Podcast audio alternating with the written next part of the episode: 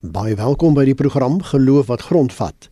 In hierdie programme gesels ons oor onderwerpe waaroor gewone lidmate in kerke onseker is en antwoorde soek en hoe dat 'n mens jou geloof prakties kan uitleef. Ons sien dit elke dag rondom ons, op die straathoeke staan hulle met plakkate om die nek en op sypaadjies slaap hulle op stukke karton. Dis nou mense sonder geld en dikwels sonder heenkome. En dan sien ons die duur motors wat verby hulle snel en die here huise waarin baie mense bly. Volgens statistieke besit 10% van die rykes 85% van die wêreld se rykdom en bates, terwyl so nagenoeg 70% van die bevolkings in ontwikkelende lande elke dag 'n karige bestaan op die randjie van hongersnood voer. Die maatskaplike en die finansiële ongelykheid veral in Suid-Afrika laat 'n mens nou wonder, waarom maak God party mense arm en party mense ryk? Christina, wanneer is iemand ryk en wanneer is hy of sy arm? Gaan dit net oor geld? Kan jy byvoorbeeld ryk wees en steeds arm wees of omgekeerd? Ek dink nou hier aan Paulus wat in die Bybel in 2 Korintiërs 6 vers 10 skrywe: Ons is mense wat niks het nie en tog besit ons alles. Flip, nou dat jy Paulus noem, Kom ons gaan net so 'n bietjie terug na die Nuwe Testament en hoe daartoe oor rykdom in armoede gedink is. Jy weet, die Nuwe Testament speel maar af in tye toe die Romeinse staat die heerskappy gehad het. En daar het dit afgehang, ook in Palestina waar Jesus was, oor hoeveel toegang jy tot grond gehad het. Eintlik het 5% van die hele samelewing al die grond besit. Dan was daar klein boere gewees, maar hulle was maar gereken eintlik as arm. 70% van die mense was arm, ook die vissers wat Jesus se disippels was en dan so 10% was totaal arm. Dit is interessant dat dit amper dieselfde is as wat dit vandag is, ook in Suid-Afrika en in die res van Afrika.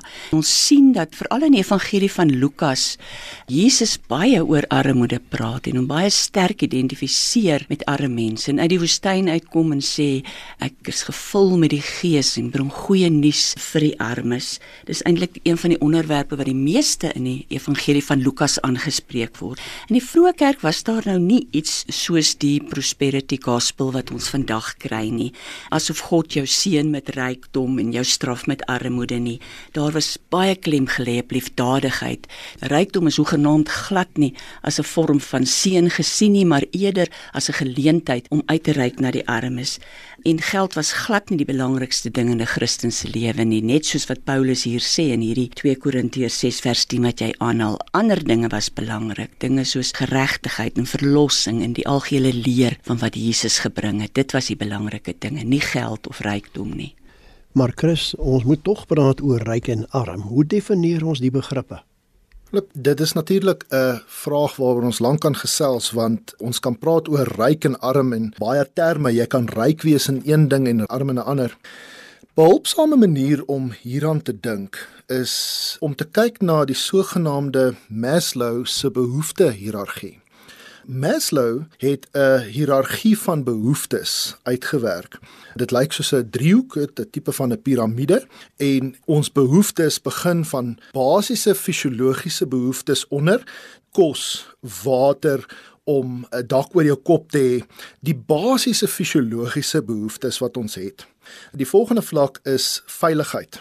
En dit is om veiligheid te hê van jou liggaam in die sin van jy is veilig dat iemand jou nie aanval of te nakom nie, maar ook veiligheid en sekerheid van inkomste, so met ander woorde werk en ook byvoorbeeld om sekerheid te hê van gesondheid en veiligheid van gesondheid. Volgende vlak is liefde en om deel te wees. Hulle praat van belonging in Engels. En dit is om vriendskappe te hê, familie en so meer. Dit is die eerste 3 en dan gaan ons verder na meer komplekse behoeftes wat hy noem agting of in Engels esteem. En dit is om die waarde en respek van ander te kry, om jou eie goeie selfwaarde of goeie selfbeeld te hê en om ook bietjie selfvertroue te hê. En dan heel bo aan hierdie hiërargie is wat hy noem selfaktualisering. En dit gaan oor ons moraliteit, ons kreatiwiteit, ons spontaanheid en ook geestelike geluk. Nou om rykdom en armoede te definieer, kan jy sê jy kan ryk of arm wees in terme van behoeftigheid. En wat ons dikwels vandag dink is werklike armoede is om behoefte te hê aan daardie basiese grondvlak fases van Maslow se behoefte hiërargie om nie toegang te hê tot die basiese fisiologiese hulpbronne nie en om ook nie veilig te wees om nie 'n werk te hê nie. Maar jy kan ook ryk en arm wees in byvoorbeeld die hoogste vlak selfaktualisering en dat jy kan sê iemand is dalk ryk in hulle fisiologiese aspek en ryk in veiligheid, maar hulle het nie 'n gesin nie. Hulle het nie iemand wat naby aan hulle is nie en vir baie van ons sal ons dan sê so 'n persoon is arm of hulle het nie geestelike rykdom nie. En die vroeë kerk om aan te sluit by Christina net om af te sluit met die vraag, die vroeë kerk het 'n baie paradoksale sienswyse hieroor gehad dat hulle het gesê jy moet vir jou skatte in die hemel opgaar want die skatte hier op aarde is nie noodwendig 'n seëning nie. En hulle het dikwels gesê as jy arm is op aarde, kan jy ryk wees in die hemel. Ek dink dit is dalk die maklikste manier om ryk en arm te definieer. Christina, tot watter mate is ryk of arm mense of arm wees die persoon se eie skuld? 'n oorgeerfde situasie miskien of te wyte aan 'n saamloop van maatskaplike omstandighede. En ek lees byvoorbeeld ook nou in die Bybel in Spreuke 6 verse 10 en 11 gaan na die muurluiaard, kyk na sy weë en word wys, nog 'n bietjie slaap en nog 'n bietjie sluimer en nog hande vou om uit te rus. En dan die woorde: "So kom dan jou armoede soos 'n rondloper en jou gebrek soos 'n gewapende man." Flip, die Spreuke vers spreek met mense wat wel land het. En dan is die luiaard die een wat die kans het om sy land te verwerk, maar hy verspil dit en daarom verdien hy om arm te wees. Ek wil hier verwys as jy nou vir my vra, is dit jou eie skuld as jy arm is? Dat die teoloog het maar altyd gepraat van 'n voorsienigheidsleer. En die voorsienigheidsleer het ons geleer dat alles kom van God af. Siekte en dood en armoede. Jy kan van hierdie baie ou geskrifte lees na verskillende oorloë dat mense sê maar weet God het my kind gevat in die oorlog maar dit was God se wil en ek belê my daarbey of ek het my land verloor dit is ook God se wil. En so word dit nou aanvaar maar navorsing wys nou dat in van die ryker lande soos in Amerika en in Europa die voorsienigheidsleer 'n bietjie afgewater geraak het. Hulle glo nie meer dat alles wat jou oorkom kom van God af nie. Ons het ook nou natuurlik kapitalisme waar ons glo dat mense se rykdom en armoede deur hulle self geskep word as hulle die kans kry So daar's nou een ding, ja. Jy is arm omdat God dit so gewil het om een of ander rede al verstaan jy dit nie of jy is arm omdat jy nie in die kapitalistiese wêreld kan regkom nie, maar daar's nou nog 'n idee wat baie sterk in Suid-Afrika fungeer en dit is dat jy arm is omdat daar sisteme is waarbinne jy vasgevang is wat maak dat jy nie uit jou armoede kan kom nie. Party mense sal byvoorbeeld sê hulle is arm omdat 'n vorige politieke bestel mense ryk of arm gemaak het dat rykdom eintlik net toeganklik was vir sekere mense. Alhoewel ek glo dat in Suid-Afrika die meeste Christene tog onderliggend nog aan die voorsienigheidsleer dat hulle daaraan glo. Ek het navorsing gedoen met baie arme mense en dan het ek vir hulle gevra wie het jou siek gemaak? Is dit God of wie? En dan sou hulle oor een van 'n godsdienstige antwoord gee. En dan net daarna vra ek en wie het jou arm gemaak? En dan kon jy die skok op die persoon se gesig sien en moeilik om dit te antwoord. En ek het gedog, is dit omdat hulle nie dink God het hulle arm gemaak nie, maar ek het toe besef die skok kom omdat ek hulle arm genoem het. Arme mense wil nie arm genoem wees nie, want in terme van soos die Engels honor and shame, is dit vir hulle skande en voel hulle dat jy daarmee eintlik sê dat jy iets gedoen het wat God jou nou arm gemaak het. So dis 'n baie moeilike vraag om te antwoord of armoede jou eie skuld is. Dit is 'n sistemiese ding dit. Dit is 'n werksding. Daar's baie redes vir armoede. Dit is RSG met die program Geloof wat grondvat en ons gesels vanaand oor waarom maak God mense ryk en arm. Ek is Flip Loots en my gaste is professor Christina Landman en professor Christe Wet. En jy as luisteraar kan gerus saamgesels. Gebruik die SMS nommer 45889. Onthou net elke SMS kos R1.50. Chris, ons fokus vanaand op die welvarendheidsverdeling tussen mense waar baie of min geld ter sprake is. Waarom is daar so 'n dikwels groot gaping wat dit aanbetref tussen mense? Flip, daar is navorsing op hierdie probleem gedoen, ongelooflik baie navorsing en dit is ook nie 'n maklike vraag om te beantwoord nie, dit is 'n komplekse vraag. Wat ons sien is dat baie ontwikkelende lande hierdie groot gaping tussen die rykes en die armes het. Ons land is natuurlik een van die lande waar die grootste gaping tussen rykes en armes het. En wat die navorsing getoon het, as ek dit nou so 'n bietjie kan opsom, is dat daar verskeie faktore is. Daar's inderdaad, soos Christina ook nou net genoem het, historiese faktore. En wat hulle gewys het is dat lande wat 'n lang geskiedenis van kolonialisme het, is geneig om hierdie groot gapings tussen ryk en armes te hê. En dit kan natuurlik toegeskryf word aan die feit dat in die geskiedenis was daar mense wat van buite af gekom het en die hulpbronne en die rykdom as te ware van die land weggeneem het en buite toe gevat het na 'n ander land toe ons weet dit is een van die algemene kenmerke van kolonialisme en dat dit die plaaslike bevolking baie verarm het en deesdae weet ons dat wat gebeur het is baie buite lande of buite partye sal 'n land invaar, hulle hulpbronne vat en uitvoer, prosesseer en dan weer terugverkoop teen 'n wins aan daai einste land.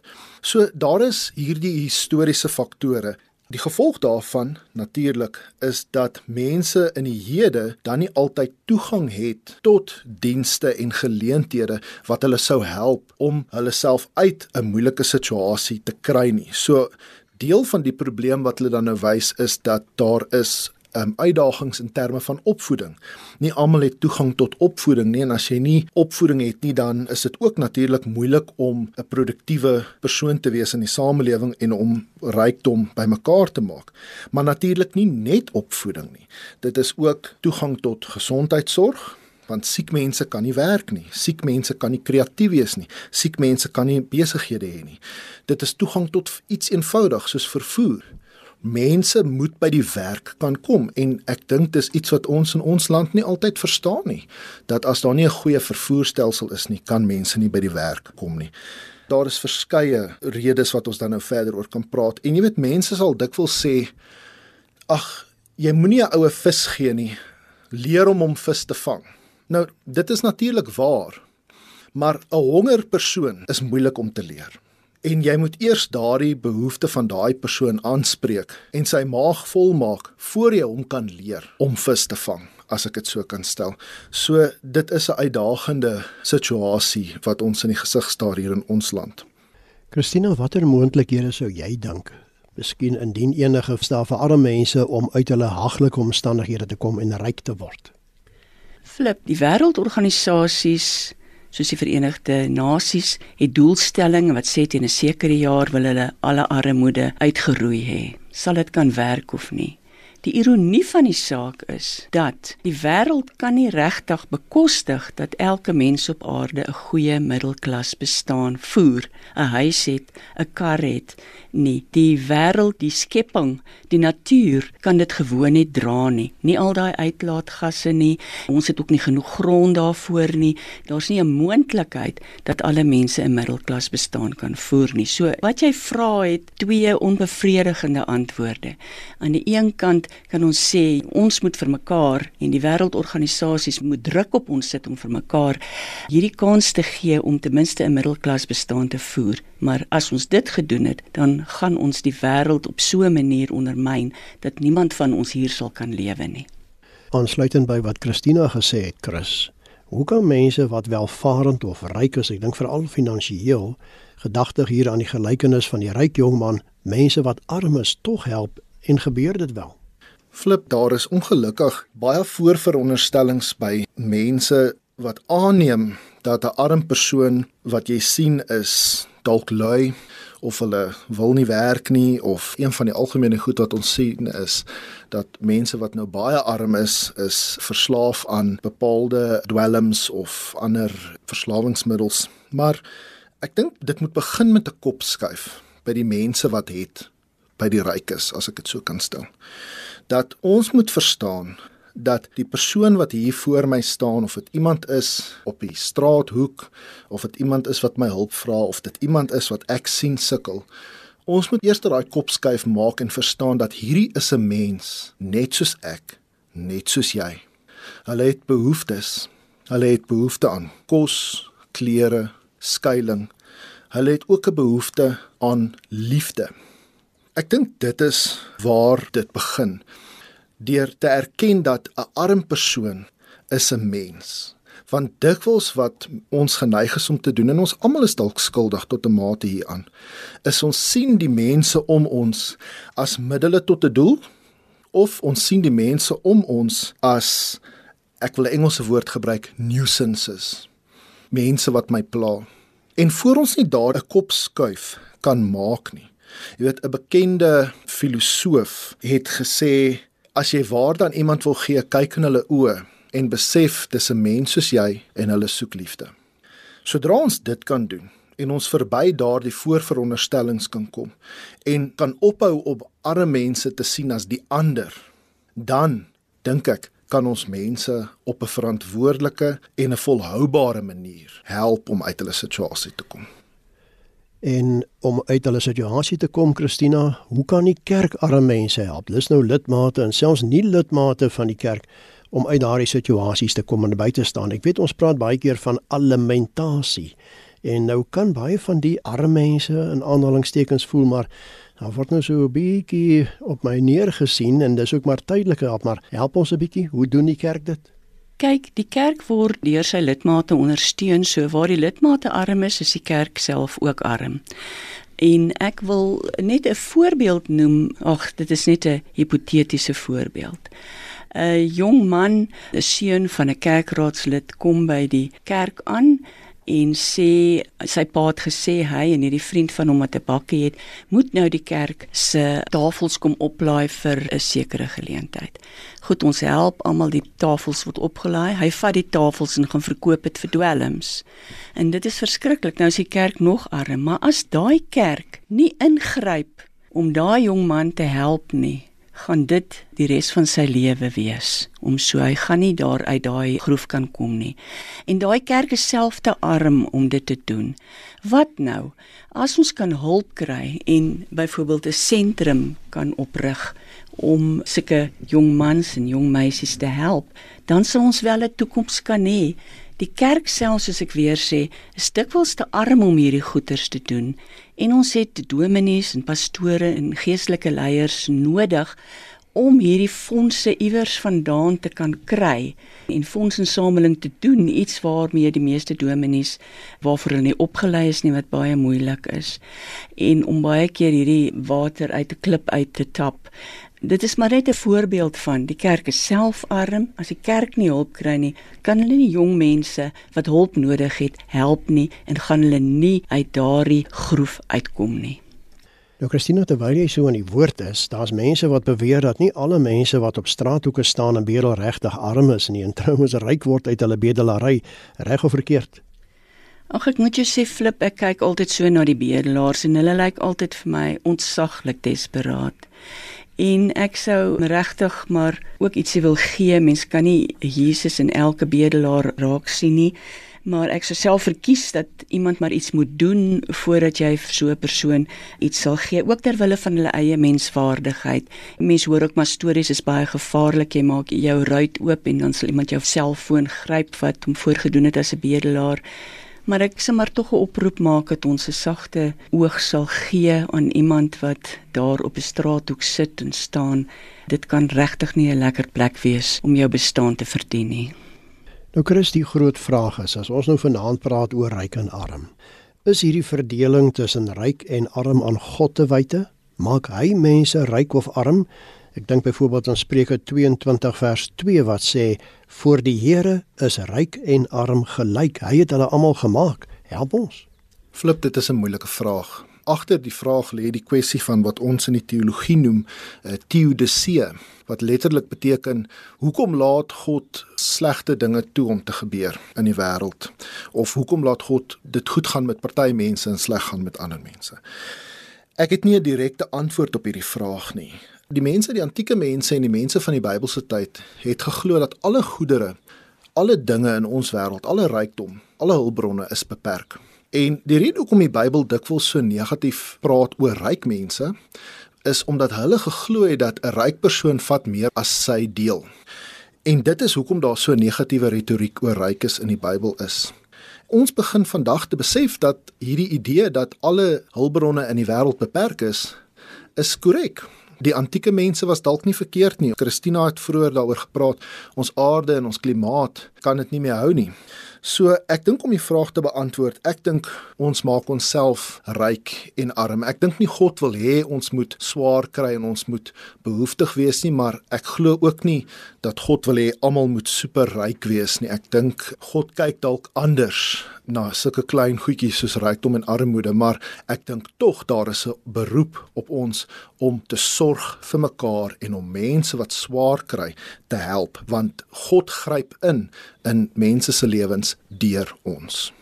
Kollegas, ons moet begin saamvat, net so kortliks van elkeen van julle, Christina, waarheen vorentoe met die ongelykheid tussen rykes en armes in ons land?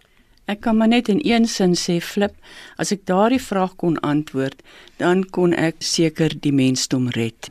Dit is 'n vraag wat ons baie sukkel om te antwoord. Ons het vanaand 'n paar van hierdie moontlikhede aangespreek, maar uiteindelik lê die sorg vir mekaar by mekaar. Chris, laaste woord is joune. Help ons, waar pas God aan die een kant en ek as mens met my verantwoordelikheid aan die ander kant in wanneer dit kom by ryk wees of arm wees? Flip, Jesus het gesê, ek was honger en julle het my nie kos gegee nie. Ek was in die tronk, julle het my nie besoek nie. Ons moet Jesus wees vir hierdie mense. God stuur ons om by hierdie mense te wees en hulle te help en hulle menswees te erken.